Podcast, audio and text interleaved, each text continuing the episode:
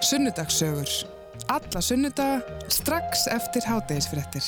Jú, jú, það eru sunnudagsugur sem taka við hér á Rás 2 að loknum fréttum og umsjónum að þáttarins í dag er Hulda Geistóttir og gestur minn eh, þennan sunnudagin er eh, Ragnhjör Elín Árnadóttir fyrir um ráð þeirra og já, sitt lítið að hverju er óþetta að segja, hún hefur komið víða við og gert margt forvitnilegt, þannig að við höfum nóg að tala hér rétt á eftir en uh, hún fýla líka Valdimar eins og ég, svo við ætlum að byrja að heyra yfir borgina.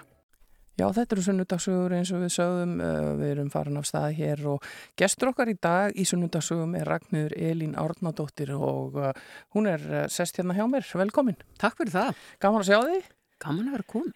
Það er alltaf gaman að fá fólk til sín svona í sunnudagskaffi þó við séum nú kannski ekki með nallþórunar og, og allt klárt hér á borðum en, en þetta við höfum þetta svona notalega stund með kaffibotla og, og, og spjöldum um lífið og tilveruna. Og það er af nóg að taka að þú er búin að gera ímislegt forvittnilegt en, en þú ert uh, keflaugustelpa Ég er keflaugustelpa eins og fleiri hér í þessu tvekja manna herbyggi. Já, segðu, það er, það er margt, margt á að verðum kemur þaðan en, en hvernig var uh, að vera, þú varst mikið í boltanum?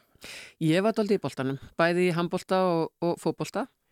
Um, þannig ég er svona, ég myndi skilgrina mig sem mikinn keflinging Já, og þegar ég var fluttaðan þá, til dæmis eins og því ég bjóði í Garðabæ og fór í fyrsta prókjörið, þá svona, hver er þú? Já, ég er keflisku garbaðingur. Þannig að þú veist, þú tekur ekkert keflingingin út um manni, sko. nei, En nú er ég komin aftur já, En hérna, já, þannig að ég bara dæmigert, dæmigert uppeldi eins og, eins og þú þekkir, þá er voru gott að alast upp í þessum stærð af bæ. já, Það er allt til alls, skólinn er stór og, og, og allir möguleikar, mm, fjallaðin frá Reykjavík er stutt, en þú ert í, þú, þú fær mikið frelsi Já. og þarna á þessum árum, maður er nú orðin svona rúmlega miðaldra, að hérna, að það var mikið frelsi og, og mikið að brasa. já, fyrst að gera það svo vildir eiginlega bara. Já, eiginlega, svo er ég yngsta fjórum þannig að það var öllum orðið sama sko. Já, það var nefnilega það, það var búið að, búið að fara í gegnum þann pakka, það vill nú stundum loða við að, að, að svona, og það sem frumburður, þá þekki ég það að vera hinum megin og segja, þau fá alltaf að gera allt sem ég fekk ekki að gera. Já, nákvæmlega, það, það er það sem að, að sískinni mín segja, en á móti kemur hef ég oftar en ég vil, vil muna heilsetninguna, æ, þetta gerðist fyrir þína tíð, þú varst ekki þarna. Mitt. Það var meiri segja búið að sko ramma þau þrjú inn svona portréttmyndina þeirra í eitt stóran ramma þegar ég fæðist. Þannig að ég var lengi vel bara sér Já. í ramma. Ertu svona, ertu örverfi? Voru fóreldrarinn orðin fullorinn þegar þú fættist? Eða? Þau voru orðin ríkfullorðin uh, á þær, þeirra, þess tíma mæli hverða. Mm. Mamma var 39 þú nátti mig Já, og hún fekk að líða fyrir það daldið svona þegar ég var komin á fermingaraldurinn. Og, og hérna ég skammaðist mín óskaplega fyrir þau á, á þeim tíma að mér fannst þau bara alveg fáránlega gömul. Já, og því miður lifði hún ekki til þess að, að geta nutta mér því um nasir að því að ég var 35 þegar ég egnaðist sko minn eldri. Já, og átti fimm daga í 41 þegar hinn kom, þannig að hún satt á skíinu og, og hlósi máttlösa og, og, hérna, og fylgdist með. með þannig að, þannig að þetta hérna, en ég er, það er sagt 14 ára millir mín og elstu sýstu minnar, Mm. svo 10 ár bróðir og 7 ár næsta sýstir. Þannig að þú hefur kannski ekki svona átt mikla samlið með sískinuðinum þegar þú varst yngri. Það Nei, er svona orðið kannski nánari þegar þau eruðu bara öll orðin fullorðin. nákvæmlega og hérna, nei nei, ég var bara litla sýstir sem var allir þurft að passa og var frekar leðilegt og reyf servitturnar og, og hérna Já, voru var allir að að safna- servjötum. Já, ég, ég ávist að hafa reyfið þær samskusamlega frá eh, hérna, Eiríku næstu sem er næstu mig. Þetta er alltaf rosalegt tap, ég meina hver veit hvers virði þetta servétusafn þær í dag. Nákvæmlega. en nei, nei, svo hérna, og svo voru þau upptekin að því að reyna að stinga mig af þarna á unglinsárunum og, og, Mm.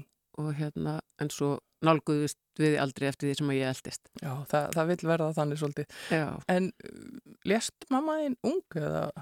Hún var 75 ára þegar hún dó en var búin að glíma við Alzheimer í mörg ár. Já. Uh, fekk hann ung, uh, þannig að, að hún svona, já, 10-15 ár var þetta bara hérna, svona, stemdi á, stemdi á eitthvað og undir, svona, nokkuð síðust hún var í viðlíði Grindavík síðust árin og hérna, þannig að þá var hún alveg út úr heiminu.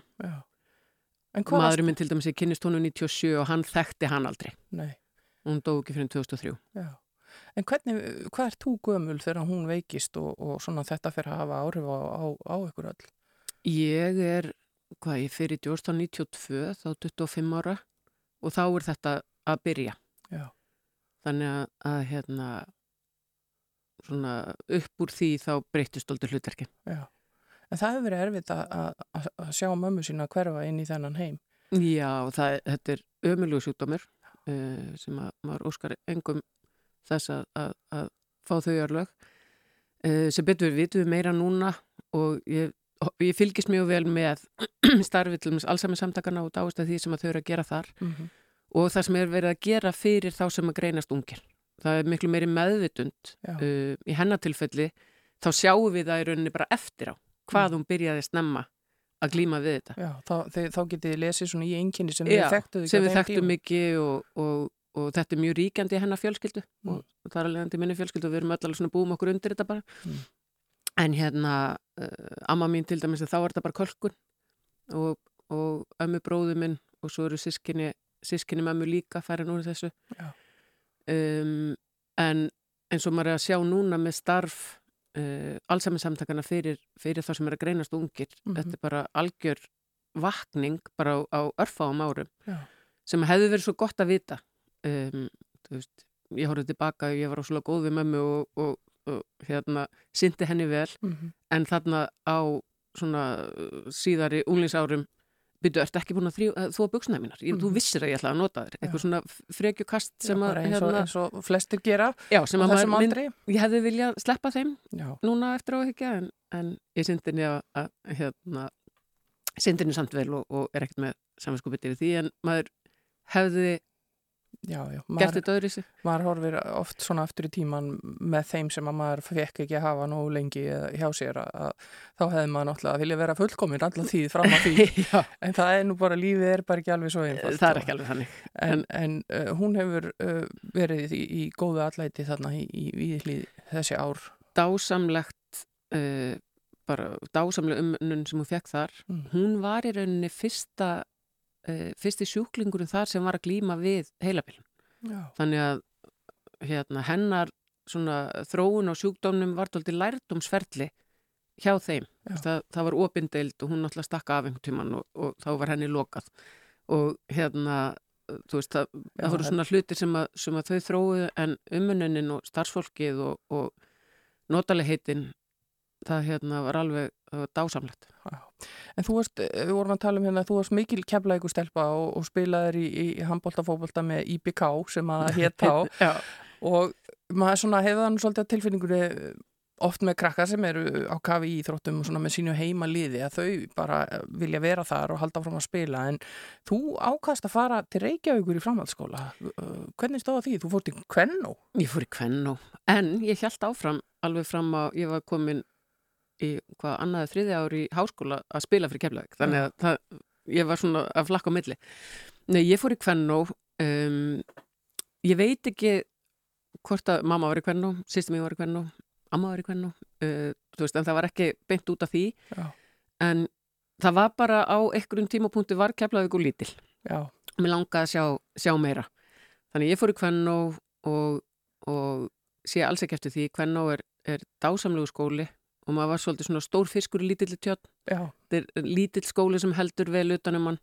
Þarna eignaðist ég mína bestu vinkonur marga hverjar og var náttúrulega úrkæflaðið þannig að ég var, var hérna, mikið heima hjá vinkonum mínum, sérstaklega þóru vinkonum minni sem að sem að fóreldra hennar kalla mig bara skiptinum að sinn já, þannig að ég var hjá þeim í jólabóðum og, og hérna var bara deytið hennar alltaf. Já. En Gist- fórstu þá, varst að fara bara stanslust á milli eða fluttur eitthvað í bæinn eða? Ég flutt í bæinn á síðasta ári. Uh, ég fór sem skiptinum á, á öðru árunum en það var þetta fjár ára nám. En gati ekki hugsað mér að missa af bekknum mín Mm. og það var líka eina ástæðan fyrir því ég vildi fara í bekkakerfi fjölbrötaskólu Suðunissi var, var fjölbrötaskólu með langað í bekk Mm. og, og þá vildi ég náttúrulega ekki þó ég hefði farið þarna ári í burtu e, missa af þeim og vera í nýjum bekk Nei. þannig að ég hérna, mér gekk alltaf vel í, í skóla þannig að ég fór til aðastinn skólastjóra og samfæran um það að það var mjög góð hugmynd að ég fengi bara eitthvað metið uh, náttúrulega enskan og, og eitthvað sem ég týndi þarna til og að ég myndi bara leggja tvöfald á mig Já. Og það gekk ljómandi vel. Og, og ég náði að klára þarna á, á þreymur árum, bara með fínum árangri. En á fjórða árinu þá var þetta orðið rosa strempið þá, þá sá ég bara hérna, eða á þriðja árinu í prófunum þá var þetta orðið mjög strempið að, að hérna, vera að keira á milla fór náttúrulega svo mikill tími í þetta. Já, og þá var maður bara með rútunni. Já, jú, jú, jú. Og, og þú mannst eftir því það, hún fór hálf tvö, hálf fjör og hálf sex. Skólinn var búinn kortir yfir fjögur og þá voru, hérna, var restin á, á BSI að læra áður maður fór heim á handbóltæfingu þetta, svona var, var hérna, Þetta er mikið dagskrá. já, þannig að ég fór að leia leia í, í, í höfuborginni uh, fyrsta ári reyndar voru við voru við tvær Mm. Uh, Björg Hastinsdóttir sem þú kannast nú öruglega við, mm. -hmm. kempa úr, úr Keflavík, hún var í Mhm. Vestló Mm -hmm. og æfingarnar hjá okkur voru á sikkorum dögunum þannig að við að henda í ljómandi vel að vera í pínulitlu herbyggi Já, eða pínulitlu íbúð segi, kellar íbúð leiðum það saman og vorum eiginlega aldrei þarna á, á sama tíma nei, alltaf til skiptis. alltaf til skiptis og hérna og svo flutti í bæinn þegar ég var komin í, í háskóla Já. En skiptinemi, hva, hva, hva, hvert fórstu? Ég fór til Boise, Idaho á öllum stöðum Sko, ég hef komin til Boise í Idaho. Nei, Jú, eins ótrúlegt að það kann að hljóma. það eru ekki margir sem hafa komið þangarnefla Nei, en, en eh, sko, hvað, ég finn, þú, hvað, 17 ára hérna? já, ég varð 17 í september, fór út í ágúst og hérna, það, ég var sérst, með AFS og sótt um bandaríkinn og ætlaði náttúrulega að fara til Kaliforníu eða, eða New York eða, eða hérna, Florida, svona- Texas, eitthvað af eitthvað þessum svona rosa stöðum. Já, en fekk þá búið sér Idaho fjölskyldu Já, og pappi, honum fannst þetta svo ótrúlega fyndið að því að Idaho, þeirra svona slagorð er Idaho where the potatoes grow. Ég ætlaði að segja, ég, ég man svona best eftir því á leiðminni þarna til Boise og ferðum mínum þarna um svæði að það voru endalusir akrar. Já, þetta er sagt mesta kartiblurækta hér að bandaríkina og pappa þótti það svo ótrúlega fyndið vegna þess að fram að þessum tíma hafði ég aldrei borðað kartiblur og út um mig sem unga bann. og það var búið að reyna mikið að fá mig til að borða kartiblur en það var ekki séns. Já. Þannig að, að hérna bara í held ég þrjár vikur í hverskipt sem að leita á mig og fór hann að læja og nú fannst þetta svo gott á mig. Og ég fór náttúrulega út uppfull af, af hérna, AFS innrætingum að að vera með opin huga og, og prófa allt og vera Mhm. kurteis og allt þetta. Þannig að á fyrsta, í fyrsta hátegisverðinu bara eh, þegar ég var sótt út og flugvill þá fórum við beinti í hátegisverð og þar var steik bögukartebla og annað sem að mér fannst ekki gott sem voru tómatar í ykkur Já. salati og ég bara, ó, þetta árverður er erfitt. Þetta verður mjög Tómatar og erfitt. kartöflur og allt. Nákvæmlega og ég byrjaði á karteblunni og hugsaði, ok, vil ég betra á hana heldur en tómatana Mm. og svo alveg, hm, þetta er nú bara nokkuð gott þannig að það, það komst aldrei upp að ég borðaði ekki karteblur og skrifaði held ég mömmu alveg, mamma, akkur borðaði ég ekki karteblur Já, þannig að hérna, gott, það Bara- stæla bara eitthvað sem þú hefur tekið upp fyrir og varst lítil og helst og bara áfram þá til þú komst til læta hó. nákvæmlega, Það var það ekki umflúið. nákvæmlega, nú borðaði ég bara karteblur alveg eins og engis í morgudagin en er tóltið, mér er hemmt fyrir matvennina því að yngri svona minn er, er hann er verri en ég ef eitthvað er þannig að við erum Ég tóltið ég reyna að nota eitthvað svona samningadagn á hann Já, já, þetta er svona, þetta er svona karma, þetta fyrir þetta, þetta býtur manni rassin En hvernig, þetta, var þetta svona bara eins og við sjáum í bíómyndunum, bara svona hefbundin amerísk fjölskylda og fórstu bara í hæskúl eða? Já, já, ég, fór, ég var senior í hæskúl Mm. og, og hérna var hjá dásamlegu fólki uh, og þar var stúlka sem sagt, jakuðu mér uh, allt í nú var ég ekki yngst af því hún var ammali 16. oktober og ég 30. september þannig að en báða 67 mótil Munnar ekki miklu, Nei, en samt. ég var ekki yngst Já. þannig að hérna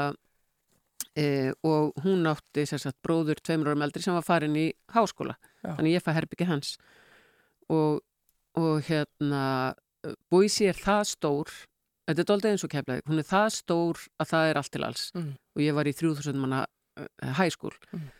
og hérna sem sagt bara með, með allt sem að eins og segir, þetta er bara doldið eins og í, í bíómyndunum, það er fótballtaliðið og, og, og hérna dýbeitlið og ræðilið nei, hérna, og bara allt íþróttir Já, já, og, og fókvastaleikir og þetta er bara gegja Já, það er náttúrulega í Ameríku er kannski það sem er munur á því sem að maður þekkir hér að það, er, þetta all, starf er allt innan skólans. Það er að segja íþróttaliðin og, og alls konar svona félagslíf, þetta tileirir allt skólastarfinu. Nákvæmlega og ég fór náttúrulega í fókbalta þar og, og get nú sagt frá því hér, ég held að þetta sé bara skúp sko, að ég var tvöfaldur ætahá fylgismestari fyrst með skólaliðinu þarna, í, í, sem var bara Capital Eagles og svo með borgarliðinu sem að þegar skóla, þegar nýtt sísón byrjaði þarna um vorið, Já, þá hérna var þá var búið til eitthvað úrval. annar lið, já, Aha. þannig að, að þetta, þessir velunarpenningar eru til ykkur staðar, ég hef nú ekki rifið þetta upp lengi, en Þetta er skemmtilegt. En þú hefur verið alveg, sko, svona sem yngsta barn og kannski eh, svolítið passaði upp á því en þú hefur samt verið það sjálfstæð og, og, og örg með því að þú varst bara tilbúin að fara alveg út í heim 17 ára. Já, og hefði farið örgla fyrir ef ég hefði getað, sko. Já, það Og- var alveg þannig. Já, já, ég, ég fór í sveit ég var, ég baði um að fá að fyrir sveit, sko, hérna, þegar ég var bara 10-11 og 12 ára, sko. Þannig að það mætti halda að ég hefði alveg uppið eitthvað harrað en það var alls ekki mjög fínu, fínu heimili. Bara ævintýra gjötn og sjálfstæðir. Já, fyrirmyndina skiptinum honum hafði ég líka frá elstu sýstu minni sem að hafði farið 14 árum áður Mm.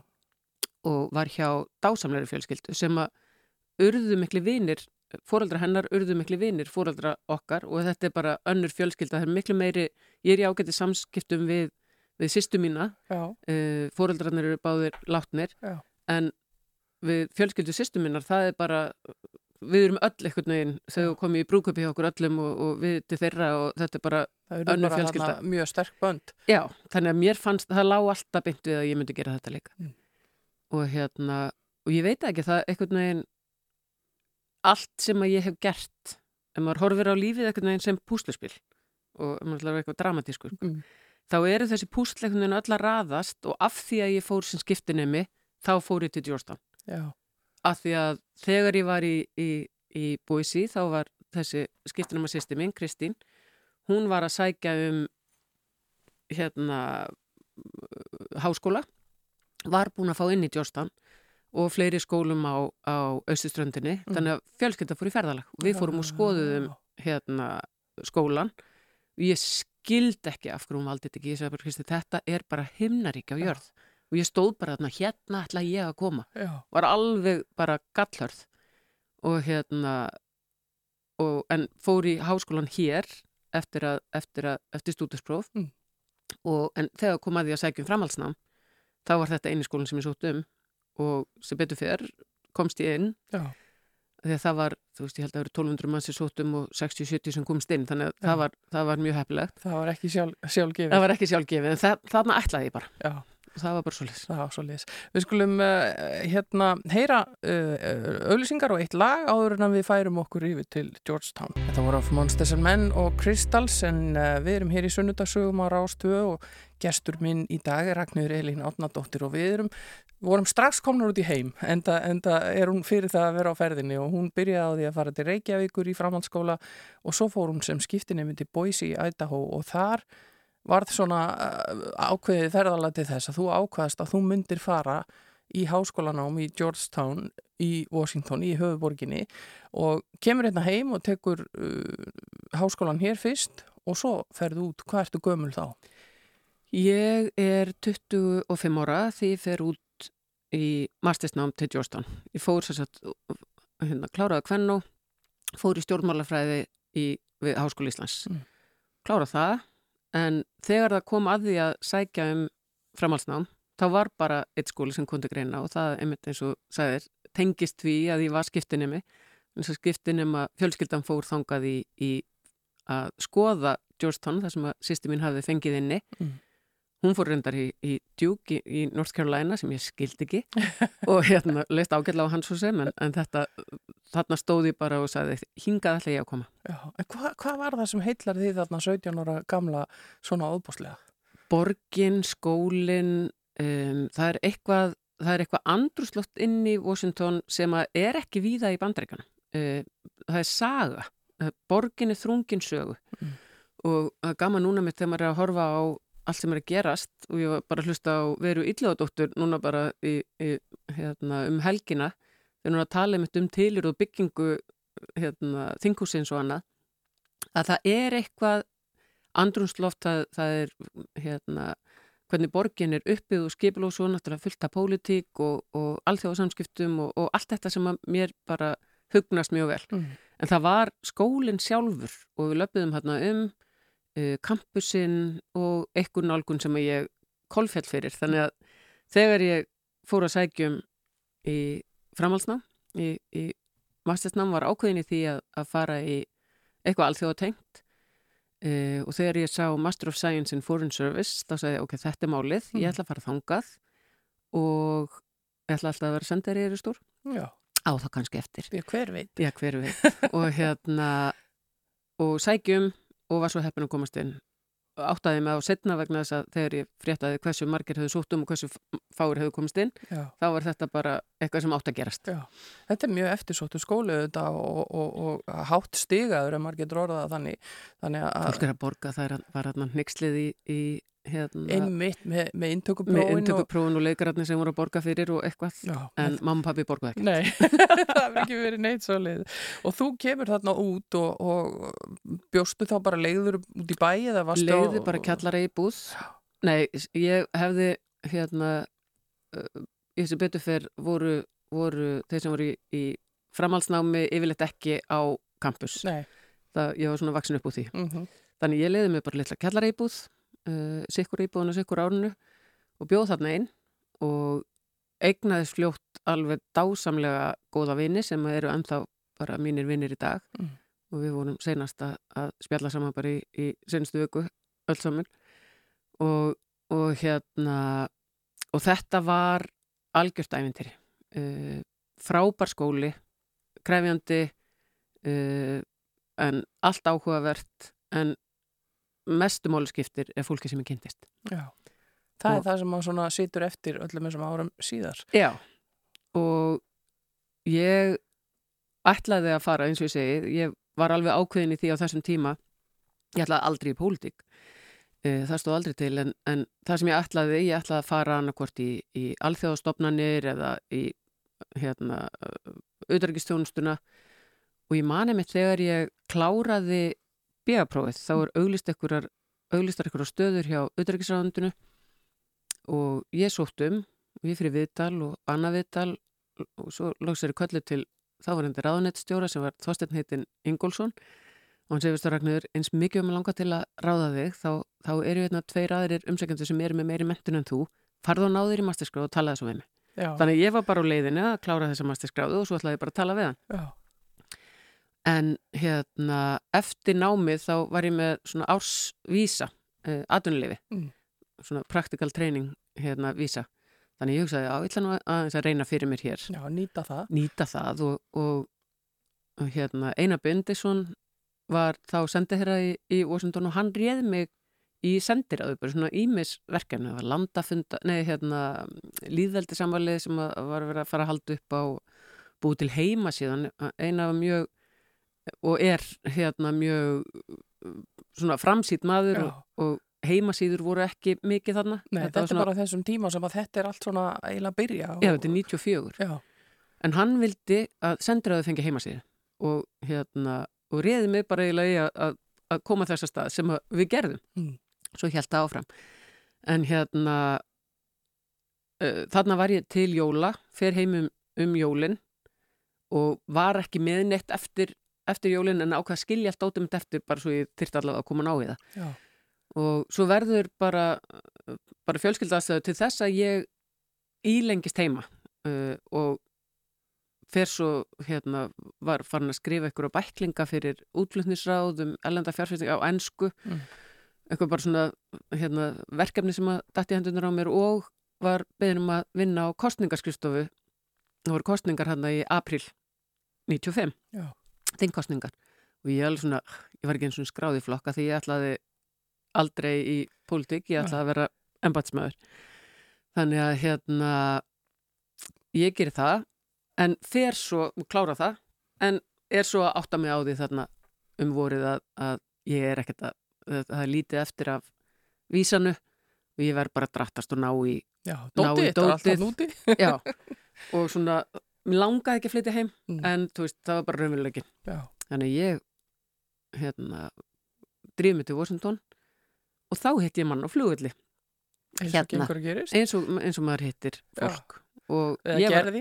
já, nákvæmlega og ég fór sem sagt ég var að fara til Washington og, og hann var að fara til New York og við höfðum hist við þekkt hann ekki, við höfðum hist einhvern tímann upp í útlunnsæði og þetta var Jón Sigursson fórstur Össurar sem var þá viðskiptafulltrúi hjá útlunnsæði í New York og hann spyr mig hvað ég er að fara að gera og, ég sé og dramatísk, ég er að fara til Washington og ná í jarneskar eigur mínar og flytja þær heim og hann svona heyrði á mér að ég væri ekki-. Já, nákvæmlega.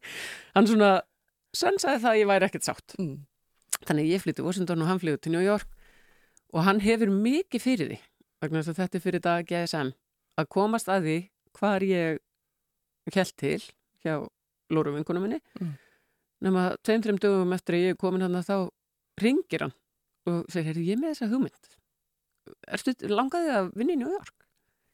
E, já, takk Þannig að- til að gera langar sögur stutta þá fór ég sem sagt, uh, bara heim og náði dótið mitt þar og Já. fór til New York og var þar í tvö ár fyrst sem aðstofi skipta fulltrúi hjá honum og eins og hann sagði söguna í brúkköpunu mínu þá tók það með nýju mánuð að hrekja nú starfi og taka það yfir þegar þér rétta er að sjálfsögða að hann fór að vinna Já, en hvernig var að búa í New York? Varstu, ég meina, skrifstofan er bara Manhattan og, og þú ert bara inn í ringiðunni. Já, að vera 27 ára einleip uh, bara með engar skuldbyrningar að búa inn á Manhattan Það er ekki leiðilegt. Nei, og í besta starfi í heimi við að selja, eða selja innan gæslepa, kynna og prómotara Ísland Já, á ellendum vettangi. Þannig að þetta var bara stórkostlegt. það verið alveg óbúslega skemmtilegu tími. Þetta var alveg svakalega skemmtilegt og, og hérna og einmitt svona eitthvað sem að maður átti ekki endilega vona á að væri að fara að gerast skemmtilegra fyrir vikið Mm. Og þú ert þarna, eins og segir, í, í New York þá í hvað, tvö ár? í tvö ár. Uh, Komstu þá aftur til Íslands eða? Já, þá breyttist starfið, þá tóku utarrikisraðunetti yfir rekstur þessara skrifstofu. Þannig að ég kom heim og held áfram að vinna fyrir útlundsað, var akkurat að kynnast manninu mínum líka, þannig að það átti, átti hlut að máli að, Hjælt að, að ég væri til í að flytja heim þá að væri, væri ekkert endilega það versta sem ég myndi gera. Nei. Þannig að ég gerði það og, og held áfram að vinna hjá útlundsráði þarna 97 til 8 þangað til ég hitt annan mann. Ekki að flugvelli heldur á, á fundi sem að, að við fengum þess að, að tala á í, í fyrir, fyrir útlundsráð Já. um, um eitthvað málumni sem ég man ekki nákvæmlega hvað var en í framhaldinu þá var ég að vinna við að skipuleggja á sem fleirum svona, eiginlega svona startup hérna ráðstöfnu. Venture Market Iceland hétta og það var að koma, það var svona verið að hjálpa þetta er svolítið svona eins og startup Reykjavík er að gera núna vera með fyrirtæki þjálfun og, og að pizza svo fyrir fjárfesta Já. og hérna leiða þetta saman er Svona nýsköpun og svona hraðlar og vera aðstofa fyrirtæki við Já. að, að koma sér áfram. og þetta er þarna 98 og, og var bara svona örglega með, með svona fyrstu skiptunum sem þetta er, er, er gert hérna og, og, og þetta átt að enda með þau vorum með, þetta var einhver Evrópu styrku líka við, manni við fórum einhvern tíma þangað og, og svo vorum við búin að fá sérst erlenda, fjárfesta og innlenda og það átt að vera, þetta endaði með einhverju ráðstöfnu sem átt að enda svo með móttöku hjá Fórsett Íslands. Mm. og sem var þá Ólaf Ragnar Grímsson. Og allir hlökkuðu náttúrulega mikið til að fara á Bessastadi þannig að þegar þáverandi fórsetarittari ringir í mig að modni þessa dags og segir mér því miður er fórsetin veðuteftur í Minneapolis Ó. en þið megið alveg koma á Bessastadi og ég get hérna tekið á mót okkur og með fullri virðingu fyrir þeim ágæta manni þá var það kannski ekki það sem að, að þú veist, það var ekki, það var ekki lókalið endilega sem við vorum að sækjast eftir þannig að, að það var krísufundur og, og alveg hvar getur, hver getur haldið ra- hérna, móttöku með stuttum fyrirvara Mm. Og þá var ég alveg, hvað með þarna nýja ráþæran í, í ríkistjónu sem talaði á fundinum hjá okkur um daginn? Sem var Geir Horti Já.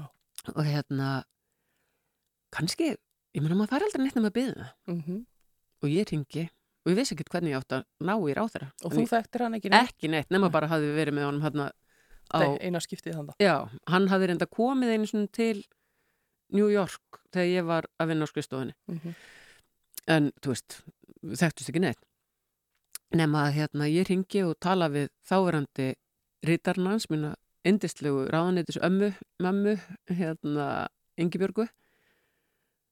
Ringi fjármálandi og það og sé, hvernig getur maður fengið að tala við ráðar í síma? Ég veit ekki hvernig, Hvernig virkar hvernig virkar þetta? Og ég fæði samband við rítaran og, og Ingibjörg er svona, já, heyrðu, það vil svo hefnilega til hann er hérna, gjör svo vel. Setna komst ég svo að því að það er nú ekki alltaf svona auðvelt. Nei, en hann hafði eitthvað verið að nefna nafni mitt af því að hann var lit ræðstofamanni já. þannig að hún hafði eitthvað heyrt og ákvaða að hérna, koma þessu í, í Tengingur, já. og hann reddar okkur reddar þarna ráðstöfnu í rúburskerðinni, ekki á bæsastöðum en í rúburskerðinni og, og, og fólk var allsælt með að, að, hérna, að fá þarna ráður í ríkistjórninni og, og þessu var öllu sem að reddað og, og ráðstöfnan gekk vel svo er allir farnir og ég er að þakka hana fyrir og svona, heyrðu ég er bara, er að spuglara hvernig lítist þér á að verða aðstofum að fjármálaráðara og ég ávist að hafa sagt ertu bilaður? Ég er ekki hagfræðingur. Er alveg, nei, nei, ég er hagfræðingur og það er fjármálaráðandi fullt af hagfræðingum. Mér vantar bara eitthvað svona sem að getur rettað Já. ráðstefnu, nei, hérna, mótöku bara Einmitt. sama dag og gengur í málinn. Þannig, að það var- svona, það- eins, ef við slettum svona eitthvað dúer. Þannig að það var upphafið að nýjára samstarfa okkar, okkar geis. Þarna verður enn eitt púslið sem einhvern veginn Já. smellur í án þess að þú hafi kannski vitað að þetta Ætlaði- færi... Nei, nei, var alls ekki þarna á leiðinni, sko. Já, þetta er ekki neinn svona markvis stefna bara í þessa átt. Full komið stefnuleysi, myndi ég segja, og hérna, og svona, eins og Lennon segir, eða sagði, life is what happens when you're busy making other plans. Já, það er svolítið svolítið. Og þannig ertu nýja ár, uh, er þetta þá hliðið þitt og leiðin þín inn í stjórnmálinn? Í rauninni. Um, ég var, sagt, þetta var 98 og svo eru kostningar 99 þannig ég var ekki að fara í mikið atvinnuriki. Mm. Og hann hérna sagði það, þú veist, ég get náttúrulega ekki lofaði nema bara fram að, fram að kostningum, Já. en þá er það bara verkefnið að, að tryggja þetta áfram og hérna, uh, og ég hefði geta tekið mér fengið leifi frá útlunnsraði, en ég ákvað bara, ok, þetta er bara eitthvað og hérna fer þá bara að gera eitthvað annað. Já. Þannig að þú hættir þar alveg já, ég hætti þar. og fer bara í þetta Já. uh, uh, með, já, allavega allavega í þennan tíma allavega í þennan tíma Já. og þetta urðu nýja ár og auðvitað á nýja árum í þess, þú færði eitthvað pólitíska bakteríu þú veist, það er stjórnmálin eru dásamleg. Ég endaði svo á því að vera 20 ár tæplega í hérna, vinnu við stjórnmál með einu með öðrum hætti. Mm. og þannig að það er stór hluta mínu lífi og algjörlega stórkostlegt. Og sem aðstofamæður um, það, er, það er endar alveg stórkostlegt starf. Mm. uh, ég var ári í fjármálaráðundinu sem var bara eins og önnu masterskráða það er ekkert mannlegt fjármálaráðundinu óviðkomandi og þú ert inn í öllum málum einhvern veginn Já. og svo ári í auðverkisráðundinu sem að mér fannst skemmtilegast af því að þar er ég Þar- þá komin já. í mitt áhuga svið Mhm. og svo ári í fórsættisráðundinu uh, þannig að, að var búin að vera þarna í þremur ráðunetum og þegar þú ert aðstofamaður þá ertu svona bestivinur aðal þú ert með eirað þú ert nálægt ákvörðunatökunni þú getur haft áhrif á stefnumótun og framkvæmt þess sem að ráðherra og ráðunetun er falið að framkvæma af, af alþingi en þú ert ekki að fronta það og það átti ótrúlega vel við mig Mm. og það vissi enginn hver ég var ég var bara aðstofamaður fjármálurráþur og mitt mitt hérna, eða aðstofamaður ráþur og mitt verkefni var bara að ráþurinn mínu gengi vel Já. Maður hefur það nú á tilfinningunum, við þekkjum það nú hér fjölmjölafólk við, þegar við erum að reyna að ná í ráþurna að við förum í gegnum aðstofamennina og einhvern veginn finnst manni eins og þeir séu alltaf á vaktinni og Alltaf. alltaf, í vinnunni. alltaf um, og ég veit ekki hversu mörg og það uh, rennur aðeins saman bara allir þessi tími hversu mörg frí hafa hérna misafnast og verið aflýst og ferðir og, og fjölskyldu hérna Þetta hlutir gengur bara fyrir. það gengur bara fyrir og það er ekkert af því að einhver segir þetta gengur alltaf fyrir það er bara þannig að ef að eitthvað gerist þá bara er hringt Mm. er haft samband og maður er sem aðstofamaður að, að miðla og reyna að, að hérna tengja og, og þegar þú nefnir að, að fjölmjölamenn er að reyna að ná í ná í ráð þegar þá er eitt góður kollegi þinn hér, hann Heiðaröld Sigurfinnsson þegar við vorum í varnafyrir á Mm. Þá hérna var bara símtali frá honum á hverju mótni við nei, nei, það er ekkert að frétta. Eða, ok, en þú hérna þú hérna, lætum við vita það ekki. Ég, jú, jú, jú, jú, jú, Já. um leið og eitthvað gerist. En Og hann hefur haldið sínu striki og alltaf ringt. alltaf, alltaf alveg kurtisinn uppmáluð og, og hérna, og endanum fekk hann náttúrulega réttirna, sko. Já, já, en, þegar að því kom. Þetta er sigla begja vegna borðs. nákvæmlega Við skulum uh, taka okkur smá kaffipásu, heyra eitt lag. Það eru Sigur Guðmundsson og Sigriður Tólasíu sem syngja. Ekki taka það til. Sunnudagssögur. Alla sunnudaga frá 12.40 til 2. Áframhöldu við hér í sunnudagsögum. Það er Hulda Gistóttir sem er umsjónamaður þáttarins í dag og gestur minn er Ragnhildur Elín Árnadóttir og uh, við vorum svona, já, þegar við fórum í, í uh, pásu hérna rétt á hann, vorum við búin að fara með því í gegnum nýju ár sem aðstofamaður ráðherra, þrjú ráðuneyti og, og, og ótrúlega lærdomsríkur tími hlýtur að vera. Uh, Þannig ertu komin með pólitísku bakteríuna sem þú stendir aldrei á. Það var aldrei planið. það var aldrei planið, aftur stefnuleysið algjörst ég, hérna, en það gerðist bara- maður fær þessa bakteríu Mm. og náttúrulega búið að kynnast alveg ógrinni af, af góðu fólki um, þegar þarna komið sögu haustið 2006 fer ég mitt fyrsta prókjör og það hefur nú verið gert grína því í vinkonuhópnum mínum. Við erum kvöllum okkur prímaverurnar þegar við hittust alltaf einu sinni í viku á prímavera. Mm. og hérna þar eru góðar konur eins og Ástís Halla Bragadóttir og Hanna Byrna uh, Haldur og Vífils Greta nú er ég að telja þær allar upp. Uh, Auðu Fimboðdóttir Ásta Þórarensdóttir og nú er ég að gleyma einhverjum fyrir ekki eða stelpur uh, Einhvern tíma sá ég Þorgerði Katrín. Þorgeir, eitthvað við minn almatur Á mikið. fyrirgeðu tokka mín og Jóhanna Marja og Inga Dóra nú er, nú er ég held ég komin með, með þar allar Já. að hérna það hefur gert grínað að þessu eh, í þeim vinnahóp vegna þess að það var líka svona engi veit fyrir allt í einu við fórum haustið 2006 í bústað á Þingvöllum Mm. bara við stelpuna fórum og gengum þarna eitthvað og fórum svo í bústað og, og, og í pottin og fengum okkur hérna svona smá jæra tanna en allt í hófi náttúrulega og úr, upp úr þessu þarna í pottinum Mm. var bara tekin ákvörðum það að ég færi prókjör þannig að, að þetta var svona þetta var svona hálgert slis og þarna var bara ákvörðum tekin og, og, og ég hringdi Guðjón og sagði hann þetta þarna um, um kvöldið og hann sagði bara já, allt í lagi, já, eiginmaðurinn. Og hérna, þannig að svo ákvörðum var tekin þar. Þannig að ég get ekki sagt svona eins og, eins og margir sögðu svona þegar var að vera að fara í, í pólitíkin að margir hefðu hringt í sig og, og verið kvartur þetta var bara ákvörðum tekin í pott og þingvalli Já, ég í vinkunhóp, já.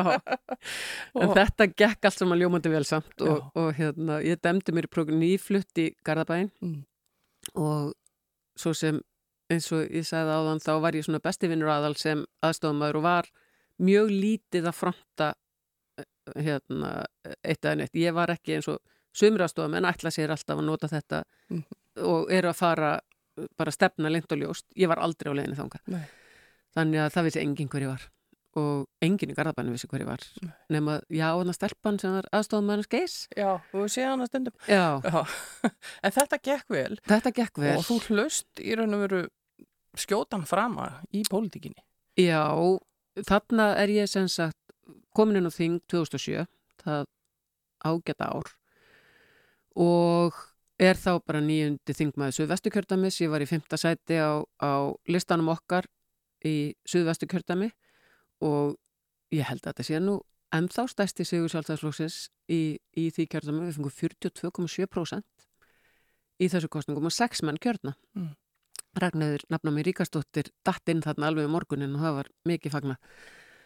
Um, svo þannig að ég er þarna bara svona óbreyttur, þingmaður sem var mjög gott að því að þó ég hafi verið lengi í pólitíkin sem aðstofamaður þá var ágætt að fá svona bara svona vinnumör, var í þreymur nefndum og í NATO-nefndinni og, og nóg að gera um, en svo náttúrulega uh, kemur hrunni 2008 og kostningar kostningum flýtt og allt fer í, í háaloft uh, ég sagt uh, það er hrunið er þarna í, í oktober eða sem sagt Guðblis í Íslandræðan er 7. Mhm. oktober ég egnaðist bad 25. september þetta sama ár Já. Uh, og hérna sendi nokkur mörg SMS með annari og með ég var að gefa brjóst. Ég get alveg hérna viðurkennt það. Og það náttúrulega er breytur öllu. Já. og, og uh, kostningarna settar hérna í apríl. Og ég er kvött til þess að, að koma í, í suðukjördami Já. þá er svona keflingingurinn aftur dregin upp úr, upp úr Mhm. hérna hattinum og þá get ég sagt að með, með alveg hérna og, og staði við það að það var, það var haft samband við mig og ég byrjaði að fá alls konar símtölu og kvartningu allstaðar á kjördaminu Mhm. mér fannst þetta náttúrulega fjárstæðukjönd með þetta litla bad uh, ég man ekki eftir þessum tíma það er eitthvað Nei. svona bara algjör brjóstaþoka Mhm. um, þú veist, ég var bara 20. janúar þegar að, að búsvöldabildingin byrjar þá er ég föst í þingúsinu og badnið heima og ég er, með, ég er maturinn. Já. þannig að, að hérna, veist, það eru alls konar svona persónulega sögur í gegnum það. En uh, já. Þannig að ég er beðin um að hvort að ég vilji gera þetta og ég sagði ekki einu svona manni mínu frá þess að því mér fannst þetta svo fjastæðukjönd fyrir nokkru dögu setna sitjum við bara við kvöldarabóðið, Mhm. borðið. Og ég segi, já, það er svolítið skemmtilegt að það er svona alls konar fólk að hafa samband við mig og, og beðið mig um að koma og taka þátt í prókjöri um oddvitasætið í suðukjördami Já. og hann alveg byttu og okkur gera það ekki, ég segi, neini, það er bara vitlis við þurfum að flytja úr garðabæðinu og vorum búin að koma okkur vel fyrir bara í okkar framtíðar húsnaði eitt sonur í skóla og, og annan í fættur ég segi, þá þurfum við að flytja. Ég þekki nú mitt heima fólk að þér geta verið eitthvað búsettur í garðabæði og, og, og hérna og ætla sér að leiða eitthvað lista. Nei, og þá saði akkurýringurinn ljúminni sem ég er gift já, þá gerum við það bara, Já. þá flytjum við bara. Og það var bara gert. Já. hvernig ég manna ekki. En hérna þá fór ég í það prókjör og, og, og hérna það gekk, gekk eftir. Og þetta tóku við fjögur mjög löng ári í harðri stjórnarhanstöðu og, og svo annar prókjör og aðra kostningar sem gengur líka mjög vel. Mm. og þá var ég komin í ríkistjórn Já. þannig að Og hvað hugsaði Ragnhildur Elín Átnadóttir, ung kona sem hafði aldrei stemt á stjórnmólinn þegar hún var alltaf í norðin ráðherra? Þetta bara ekkert neginn, eins og ég segi, þetta gerðist en auðvitað þarna er maður orðið bara pólitísk dýr Mm. og hérna Komin á kafin í komin á þetta. kafin í Til þetta að og þetta vöna- ekkert annað og, og hérna og þetta er stórkostú tími Mm. og ég er mjög stolt af, af því að hafa, hafa hérna, því sem ég tók þátt í og hafa haft tækifæri til að breyta heiminum breyta samfélaginu til eins betra og, og svona kynst ógrinna fólki Mm. út um all land sem að, sem að uh, læði mikið á sig við að, við að stiðja mann til góðra verka og skrifaði, skrifaði söguna á þessu og var þáttakandi í söguna á svo skrifnum tímum Já. og ég, það sem að mér finnst bara umhugsunarvert uh, ég er hætt í pólitík og, og maður á aldrei að segja aldrei en ég er aldrei á leiðin aftur í pólitík ég bara, þetta er orðið gott um, en mér finnst svona umhugsunarvert að árið 2021 sé ég ennþá eina konan í sjálfstæðarflokknum sem að hef uh, leitt kjördæmi og hlotið sem sagt, uh, hérna, náð því í gegnum prókjör tvisvar. Mm. Það hefur engin kona leitt, verið oddviti í kjördæmi í tvær kostningar í röð. Og ég veist það bara eitthvað sem að, að ég vona að breytist bara mjög hrætt og öruglega. Já. Og líka bara þegar maður horfir á, á hérna, bara endinguna hjá konum. Ég vil sjá hana, ég vil sjá hana meiri Já. og ætla að styðja þessar frábæru konur sem eru í, í, í framvarasveit flokksins míns, Mm -hmm. nefni Áslögu, hérna, Áslögu Örnu og, og Þórtiskolbunu sérstaklega. Bara vil tryggja það að það verði konur hefur 50 í, í framvarasveit sjálfstæðsflokksins, sem Já. er ekki það. Um, þú segist aldrei ætla að fara aftur í pólitík. Er einhver biturleiki í þér? Er, ertu ósátt við hvernig þessu lauk eða... E, Nei, ég- auðvitað hefði maður vilja ná að, Mm. eðlilega.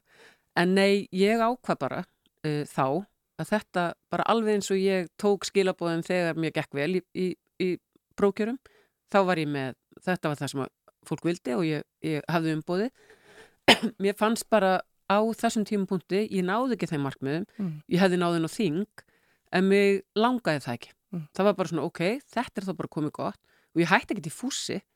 Ég er ekkert hætti í vloknum eða neitt annað, en ég hef engin afskipti af, af stjórnmálum í dag. Nei. en þetta bara ég ákvað þetta bara er orðið, orðið gott að þessu. Nú ætla ég bara að fara að gera það sem ég ætlaði alltaf að gera því er stór, ég, eins og ég segi, ég ætlaði aldrei í Nei.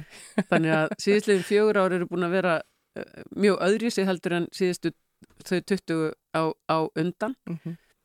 og hérna, og er kannski eins og ég hefði átt að vera kannski frá 25 til 30, ég er, ég er að reyna að finna hvað mér langar til að verða Já, þú veist, veist enn, að, finna út úr því enda, enda ung manneskja en þá. Við skulum uh, taka smá pásu og uh, svo skulum við fara svona aðeins inn í bara nútíman. Já, við uh, erum nú svona farin að horfa á klukkuna tefa hér í sunnudagsögum. Það er svo gaman hérna hjá okkur Ragnhiði Elínu Arnardóttur í þessu sunnudagskaffi spjalli. Uh, þú kveður stjórnmálin þarna og uh, ætlar ekki að fara aftur þangað. og búin að koma við að við á þessum árum eins og þú segir, búin að taka þér ímiskona verkefni og ímis störf uh, verið í ímsum stjórnum til dæmis og, og svona, þetta hefur já, kannski komið til þín eins og svo margt annað, einhvern veginn uh, hvað af öðru? Já, það má eiginlega segja það og aftur að þessu pústli að þegar ég var ráþeira þá var málaflokkun svo viðfemur og, og uh, allt frá ferðarþjónustu, orku, yðnaði, stórum og smáum kvikmyndagerð uh, hérna, endurskoðundur og bara hérna, verslun og þjónusta og nýsköpun. Já. og ég er eiginlega búin svona á þessum fjórum árum að vera að sísla með eiginlega flesta málaflokkana sem að ég hef hafði og kynntist sem ráþara suma þekkti ég mjög vel áður en ég byrjaði en aðra hafði ég haft litla aðkomu til dæmis eins og nýsköpuna gerin og við, ég og Yngvar Pétur aðstofamaður minn vorum um þetta að rifja það upp þegar hann sá hérna, tilkynningunum um, um starfi sem ég var að taka við núna sem framkvæmstjóri nýsköpuna fyrirtækis að hérna, við vorum að rifja þau upp og segja, manstu hvernig okkur leið alltaf þegar við vorum búin að fara í, í heimsókn í nýsköpuna fyrirtæki, við vorum alltaf alveg bara, ah, akkur get ég ekki fattað upp á okkur, mér langar svo, þetta er svo skemmtilegt umhverfi. Já, og ég, af því að ég þekkti þennan geira kannski minnst uh, af þeim þegar ég, þegar ég hérna, tók við sem ráþara þá, þá hérna gerði ég mig farum að, að kynnast honum sem, sem mest ég mátti Mm. og góðvinnum minn uh, Datti Disco já, að hann hérna ég er að reyna að muna hvað Datti heitir ég er bara, ekki Datti minn ég, ég þekka líka, ég man ekki hvað Já, heitir það. ég veit alveg hvað hann heitir, þetta er bara eitthvað hérna, stólið úr mér Ég veit allir hver þetta er. Mikill nýsköpunar maður og hann kom til minn og sagði, veistu það, mér veist frábært úr sér komin en get ég hjálpaði með nýsköpununa? Ég bara, ég segi já, e, síndu mér þetta bara. Og það var tekið frá í, í dagbókinu minni dagspartu með data. Mm. Og ég man að hann kom á, á þriðudegi, eða förstu degi eftir, eftir hérna ríkistofnafund, þannig að svona hádegi Mm. og hann var bara með plan, við fórum að heimsóttum held í 20 fyrirtæki. Já. Og gerðum þetta nokkru sinnum á þeim tíma sem ég var á þeirra þannig að fyrirtæki eins og kontrolant. Mm. Ég heimsóttu þau þá þegar þau voru í, á grænsasveginum bara pínliti fyrirtæki með hugmynd sem þau voru farnir að, að, að vinna við sérstaklega að, að, að hérna, mæla eða fylgja eftir sjávarútvegi vera með hérna, tekka á hitastíðinu á því Mhm. svo sér maður þá núna þá er þetta 2013 þá, þá 7-8 árum setna þá eru þeir bara leikil fyrirtæki í heiminum Já, í bólefna flutningi einmitt.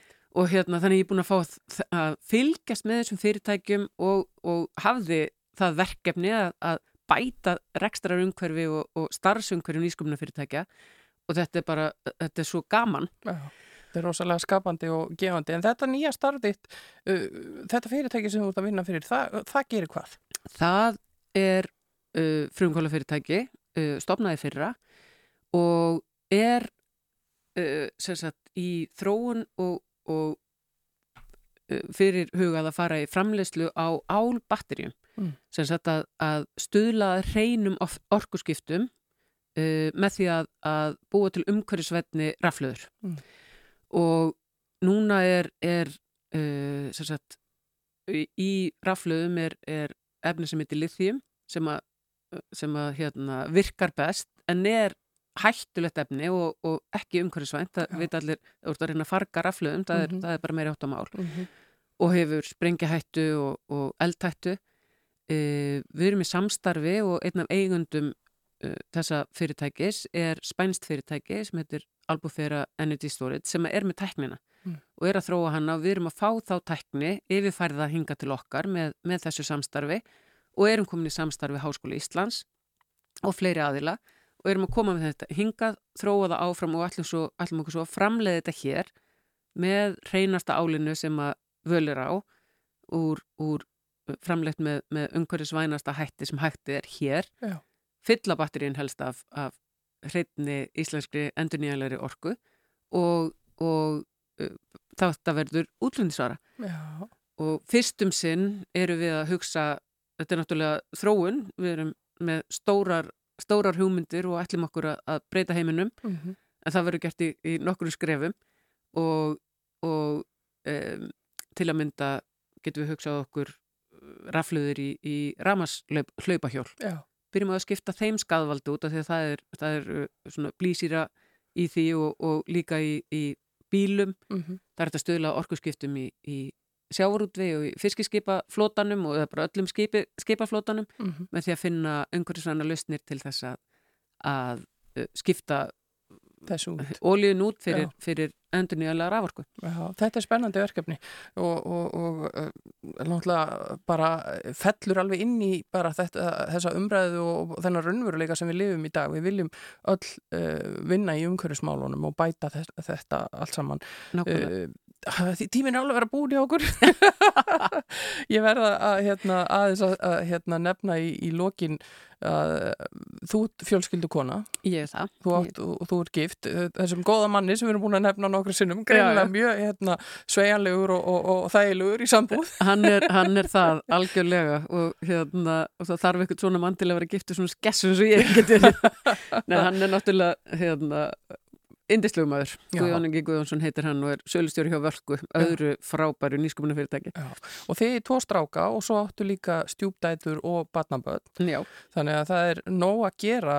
Uh, þið, þið helduð COVID-háttíð uh, það voru jól og, og áramóti COVID. Já, við vorum uh, svo heppin eða þannig að sonur okkar, 18 ára vestlengurinn, Átni Þór, greindist með COVID 21. desember. Já, sem eins og alþjóð veit er þreymdugum fyrir jól. Já það er ekki skemmtilegt Nei, þannig að við fórum náttúrulega strax í sótkví og um, þannig að svona uh, jólin urði doldið öðri sér fyrir vikið. Hann, við vorum reyndar það heppin í fyrsta lagi að hann hérna, fór létt í gegnum þetta. Uh, 18 ára hraustur sem betur fer fekk svona freka lítið lenginni mm og síðan er, er hérna, búið þannig að hann gætt verið í einangrun heima hjá okkur Já, og við vorum þá með restina af húsinu en hann var svona bak við glerhurð uh, með herbyggi sitt og, Já. og baðherbyggi og gætt svona komið og komið á glerið. Þannig að hérna, hann fekk bara jólamatinn og bakka og, og svo settum við tölvuna bara í sætið hans mm. og hann var á, á Zoomi bara þarna hinum meginn og við opnuðum pakkana þannig. Og tókst ykkur að svona bara hafa húmor fyrir þessu eða var þetta erfitt? nei, nei auðvitað, þetta var bara aðla skrítið Mm, og hérna, en þú veist við hlóðum ekki að þessu og þetta var, þetta var hálfindi sko. Já, en svo losnaði hann á nýjásdag hann er gamlaskvöldi var líka svona hann, hann var horfið á hérna, fljóðöldarna út, út um já. en við vorum laus þá úr, úr sóttkví sko.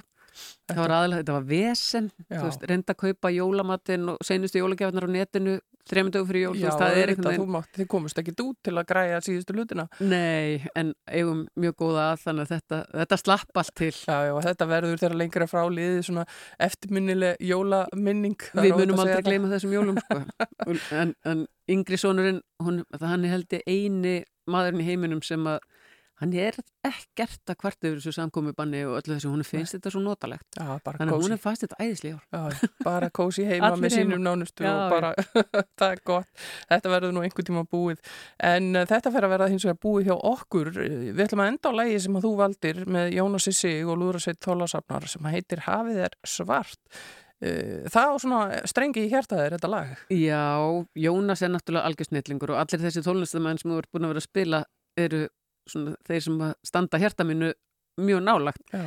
En Jónas, ég kolfjall fyrir honum þegar ég fóru mitt á tónleikarna þegar þessi plata kom út Mhm. í Þólásöfn í Íþrótuhúsinu og ég heitlaðist af músikin en ég heitlaðist bara svo af manninum. Hann tala, hann er hann, þessi plata er eiginlega óður til Þorpsins Mhm. sem að fóstraðan og mér fannst það svo fallegt og svo líka hvernig hann hérna, talaði um mömmu sína allir sem, menn sem eru góðið mömmu sína eru góðið menn.